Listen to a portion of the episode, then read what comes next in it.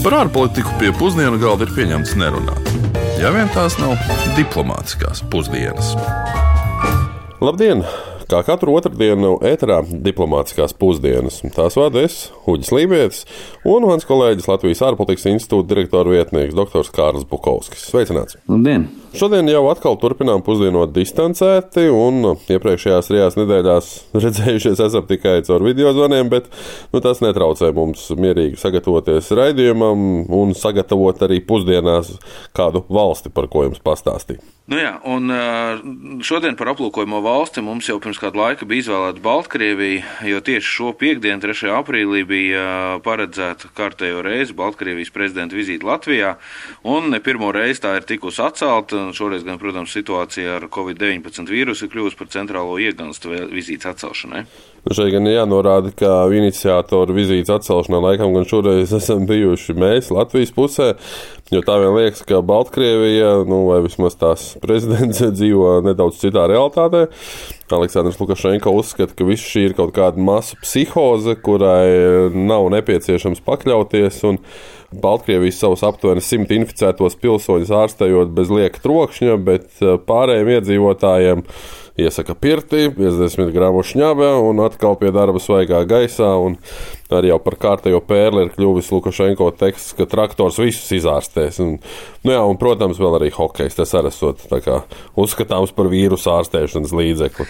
Nu, bet, kā jau teicām, ne jau vīrusu dēļ mēs izvēlējāmies Baltkrieviju. Un, uh, Uģi, tev gan profesionāli, gan akadēmiski Baltkrievija ir pašam bijusi diezgan tuva. Ne?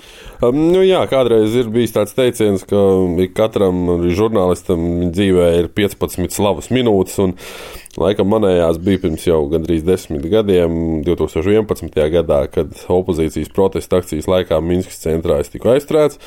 Nu, bet uh, paspēju par to arī noziņot radio tiešraidē no milicijas busiņa. Un, uh, Kā vēlāk man uh, teica tā brīža Latvijas vēstnieks Baltkrievijā, es biju kļuvis par diplomātisku attiecību precedentu. Nu, jā, bet akadēmiski jā, arī augstskolā tieši Baltkrievija ir bijis mans interešu objekts. Nu jā, gan pirms desmit gadiem, gan tagad ir saskatām tieši uh, cēloņa sakarības starp Baltkrievijas prezidentu ārpolitisko balansēšanu, starp tuvināšanos Krievijai un attiecību uzlabošanas centieniem ar rietumu valstīm.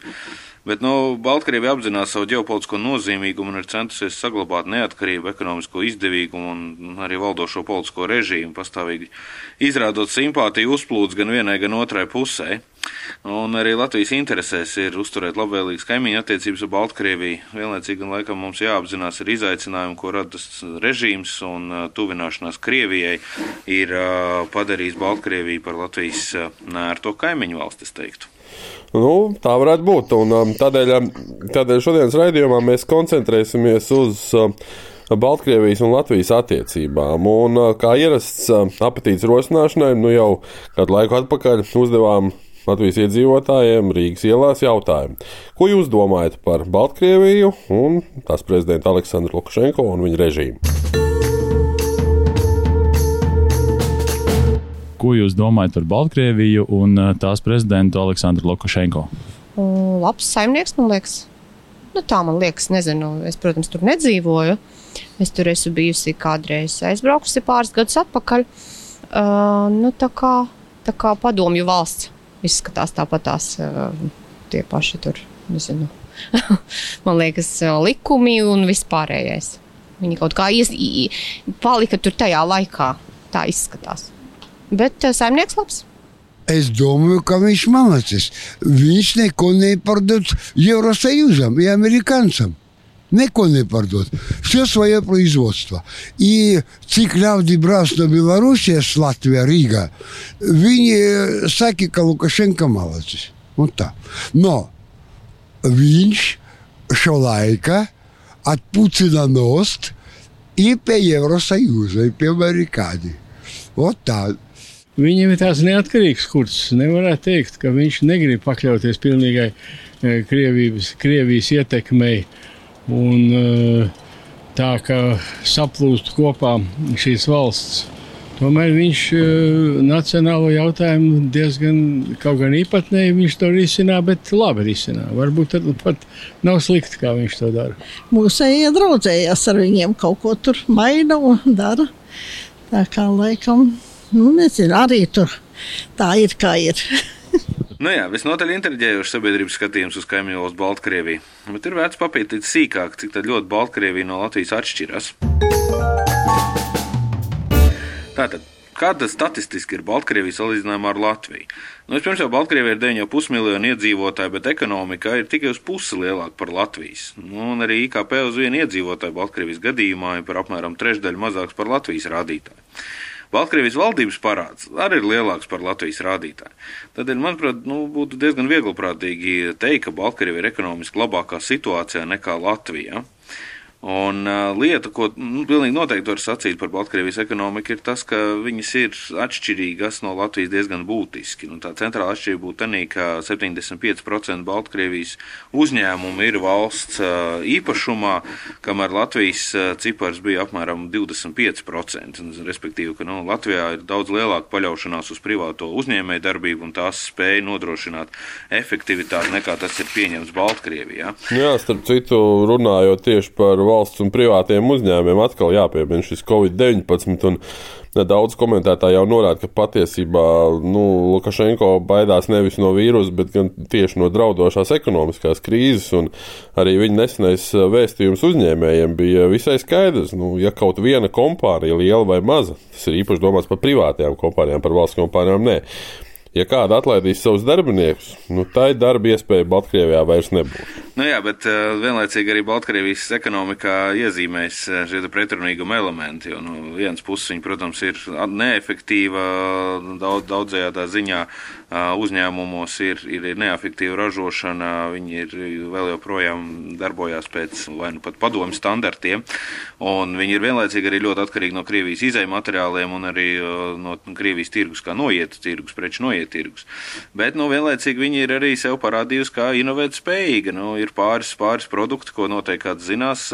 Viber ir, ir Baltkrievijā ražots, World of Tanks spēle ir ražota Baltkrievijā, tā kā viņu spēja vēl atrast startupus un atrast kādu leņķi, kādā veidā savu ekonomiku attīstīt arī nākotnē, tomēr vismaz nedaudz iezīmējis.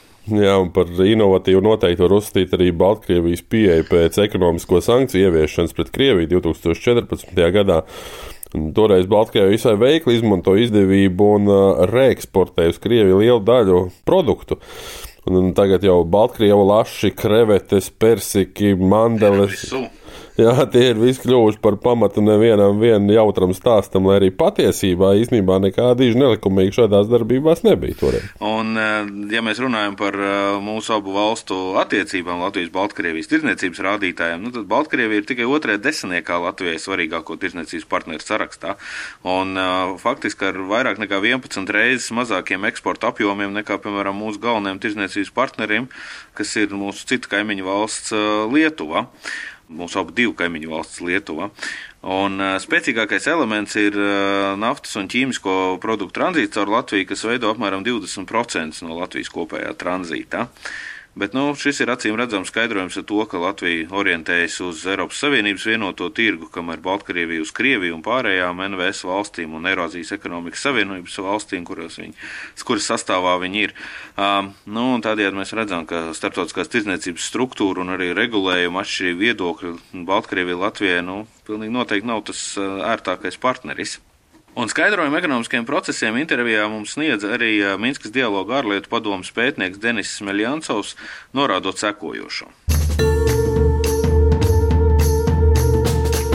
Если руководствоваться политической логикой, то белорусское правительство оно хотело бы расширить свои взаимоотношения с Латвией. Ja vadāmies pēc politiskās loģikas, tad Baltkrievijas vadība vēlētos paplašināt sadarbību ar Latviju, lai tādējādi radītu konkurenci Lietuvai lai būtu plūsmu diversifikācija un lai lietuvieši sāktu uzvesties nedaudz piezemētāk.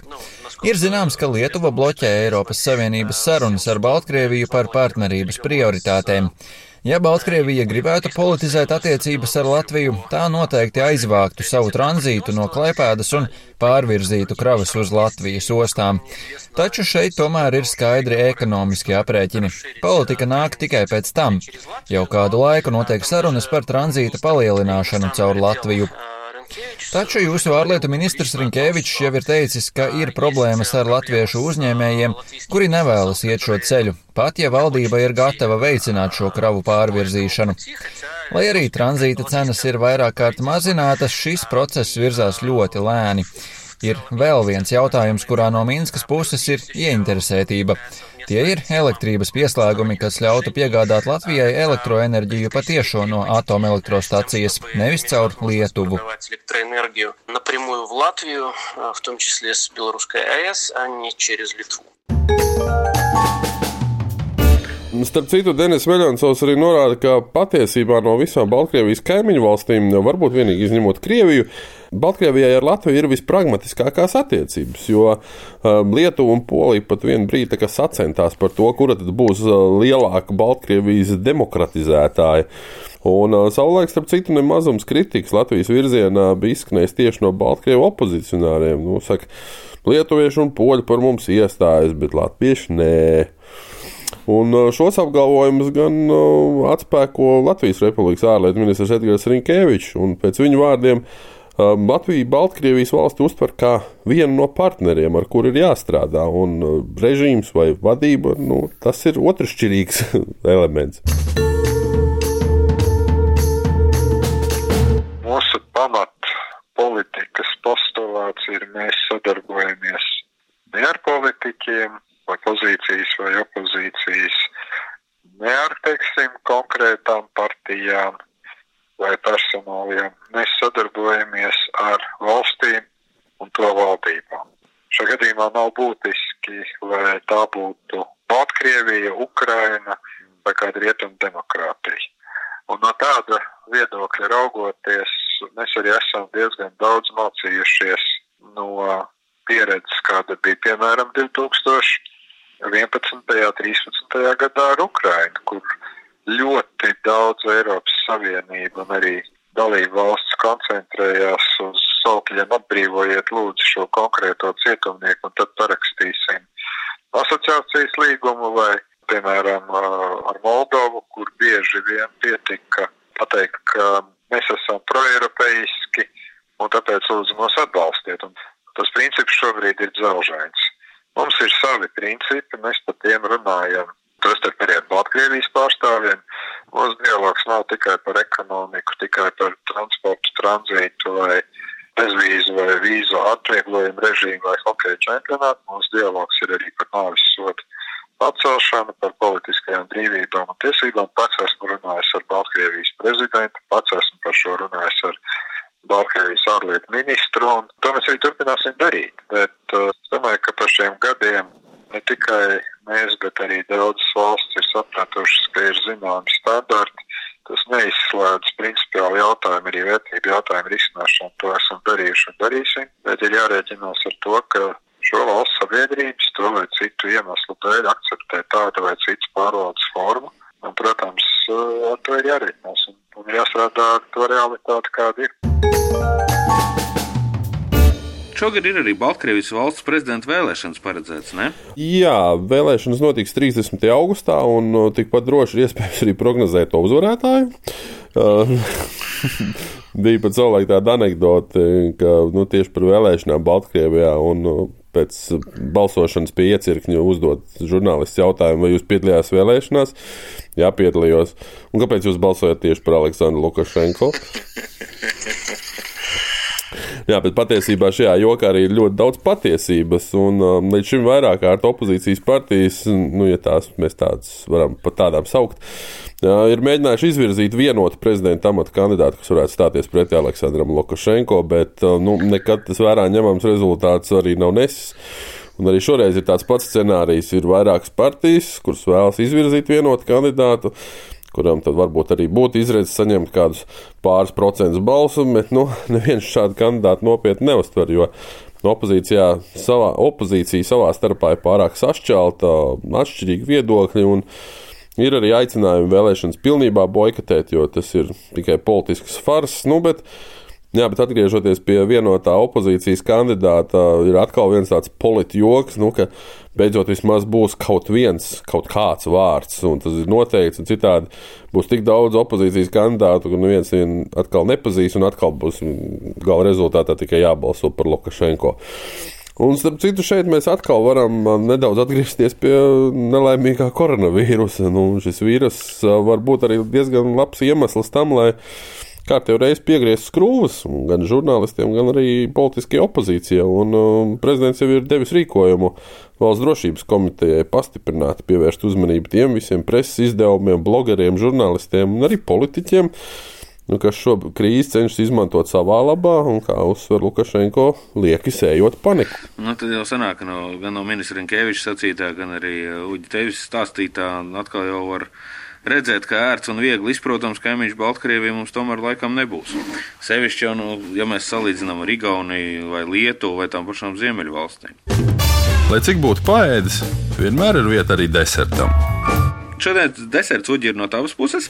Jā, jau ielu intervijās dzirdējām, ka daudzi šeit Rīgā Aleksandru Lukašenko uzskata par labu saimnieku. Nu, Tas nozīmē, ka labam saimniekam arī būtu jāmaksā labas algas. Nu, nu jau gandrīz desmit gadus Lukašenko savā ikgadējās uzrunās saka, ka vidējai algai valstī nu, šogad tiešām ir jābūt 500 ASV dolāriem. Un tā man liekas, ka šis ir tāds nu, mistisks un neaizsniedzams mērķis. Jo tā, piemēram, starp iepriekšējām prezidenta vēlēšanām pēc 2010. gada Baltkrievijas vidēja alga pieauga nu, no nepilniem 1,6 miljoniem rubļu līdz 6,5 miljoniem. Nu, liekas, gandrīz 5 reizes. Bet realtātē tas bija kritums no 530 dolāriem līdz 450. Nu, tad ir pagājuši vēl 5 gadi, valstī ir veikta naudas reformas, vītrotas vairākas nulles. Un, tagad Baltkrievijas vidēja alga ir 437 dolāri. Tātad mēs redzam tādu likumsakarīgu, ka 500 dolāru robeža joprojām nedaudz, nedaudz attālinās, nevis tuvojās. Mm, Bet nu, tas iespējams arī ir skaidrojums tam, ka Baltkrievija nu, īpaši daudz ceļo. Nu, vismaz statistiski. Bet, acīm redzot, tiem, kas ceļo, tas ir jādara Schengens vīzu. Nu, ja vien, protams, braucienu uz Viļņas Akropolu vai uh, Poļu Belostoks hipermarketiem neuzskatām par braucienu. Tomēr fakts, ka jā, Baltkrievija ir pirmie pasaulē pēc saņemto vīzu skaitu Schengens valstī. Un Baltkrievijas pilsoņi saņem apmēram 700 tūkstošu vīzu katru gadu, un nu, lielāko daļu no tām izsniedz tieši Polija. Starp citu, ja jums interesē dažāda statistika un interesanti fakti par Baltkrievijas politiku un ekonomiku, varbūt ne tajā pašā nopietnākajā veidā, es iesaku jums palasīt arī man drauga blogera Viktora Mališevska blogu antijournalist.by. Nu, lūk, nu ar to arī izskan mūsu šīs nedēļas diplomātiskās pusdienas. Jā, tās sagatavoja Uģis Lībijams un Latvijas ārpolitikas institūta doktors Kārlis Bukovskis. Vēl tikai atgādināsim, ka mūsu raidījumu varat klausīties arī podkāstā un uz sadzirdēšanos jau nākamajā otrdienā. Mm, lai izdodas! Diplomātiskās pusdienas katru otrdienu pusdienos Latvijas Radio 1.